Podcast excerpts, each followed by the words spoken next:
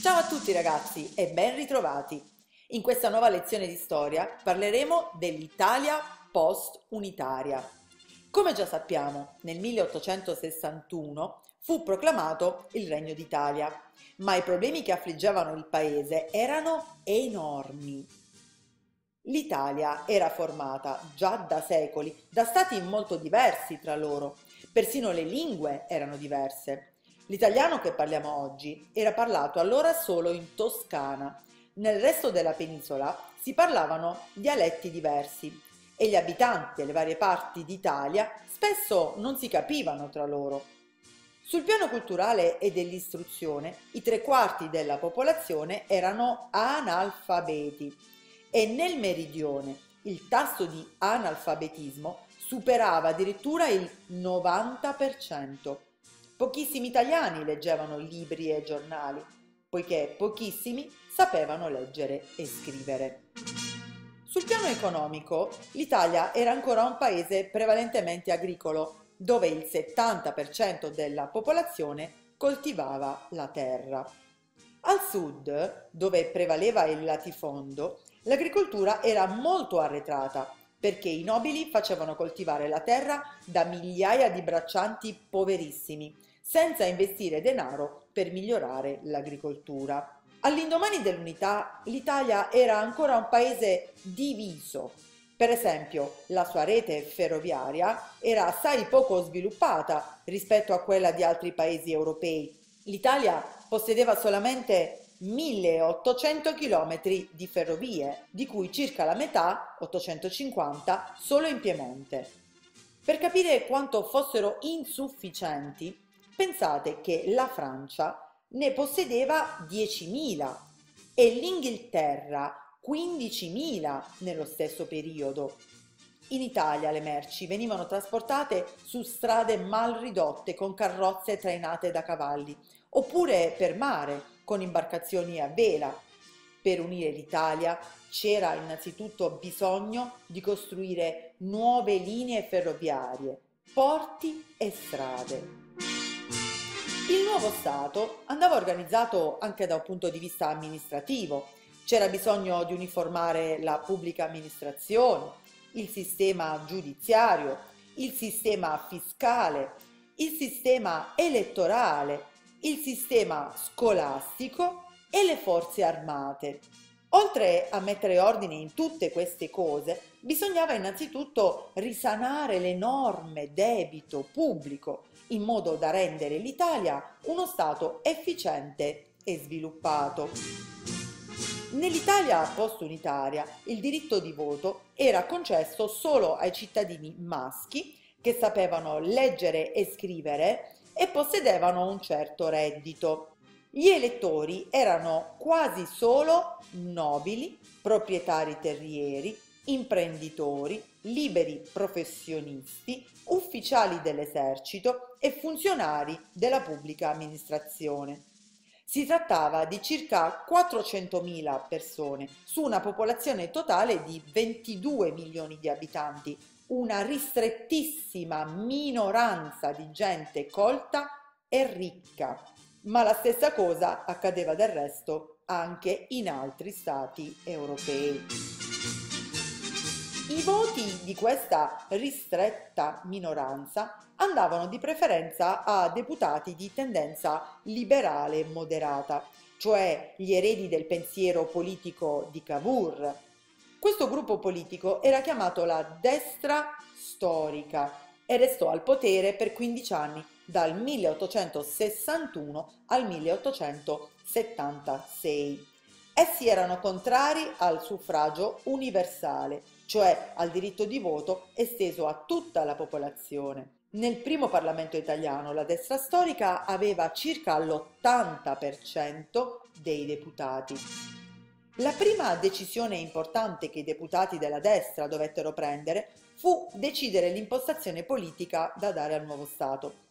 Essi optarono per uno Stato centralista, cioè uno Stato dotato di un forte potere centrale per accelerare il processo di unificazione reale dell'Italia, dopo che nel 1861 era stata ottenuta quella politica.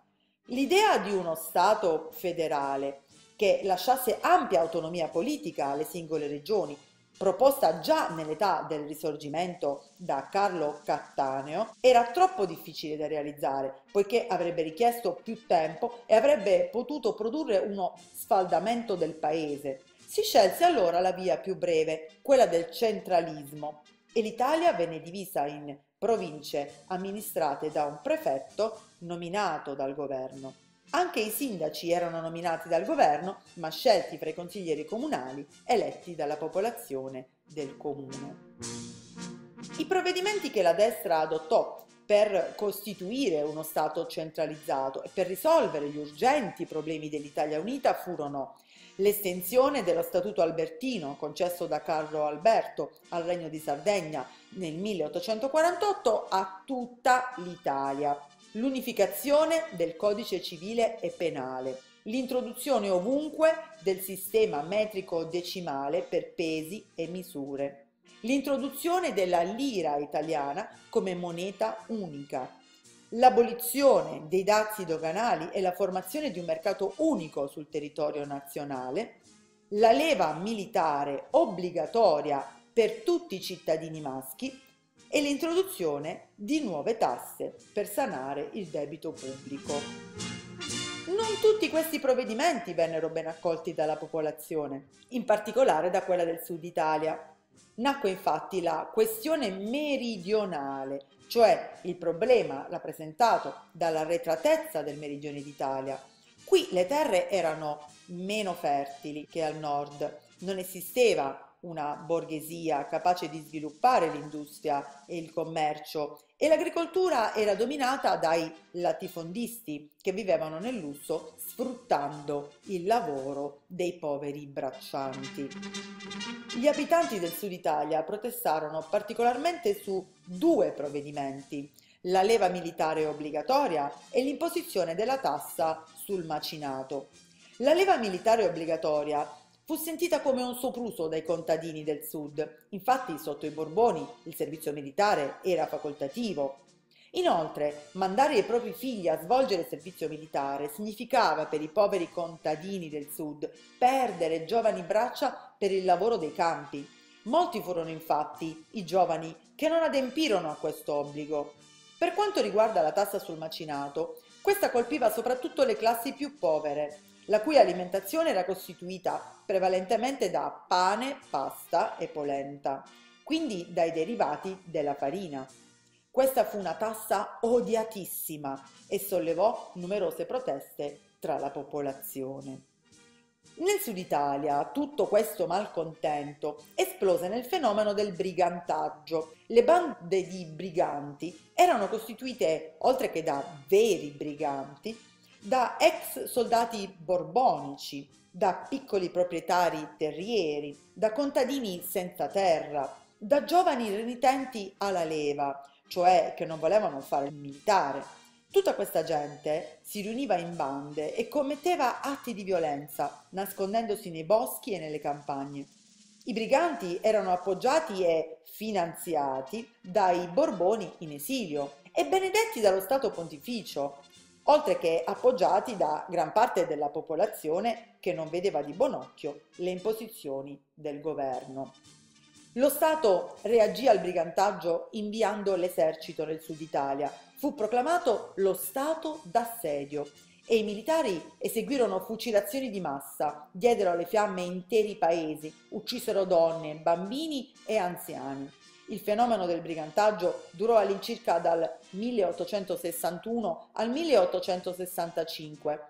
C'è un dato impressionante che ci fa capire quanto sia stato terribile questo periodo per la storia dell'Italia.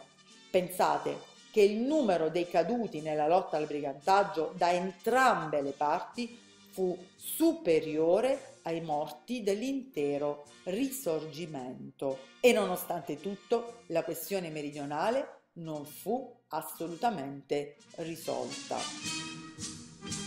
Nell'Italia post-unitaria, oltre al brigantaggio, vi erano altri gravi elementi di debolezza. L'unità non era compiuta poiché mancavano il Lazio, il Veneto, il Trentino e il Friuli. Il Papa rifiutava ogni dialogo con il governo e considerava il re d'Italia un usurpatore e la Francia continuava a sostenere il Papa. I primi governi della destra storica fecero di tutto per realizzare il completamento dell'unità, ma tra i successori di Cavour, come sapete morto prematuramente nel giugno del 1861, nessuno mostrò di essere all'altezza del grande statista. A questo punto sorge una domanda. Come e quando venne completata l'unità d'Italia? Visti tutti i problemi che il governo italiano aveva ancora da risolvere? Bene, se siete curiosi di saperlo, non perdete la prossima video lezione. Per oggi è tutto, grazie per l'attenzione e ciao ciao dalla vostra prof.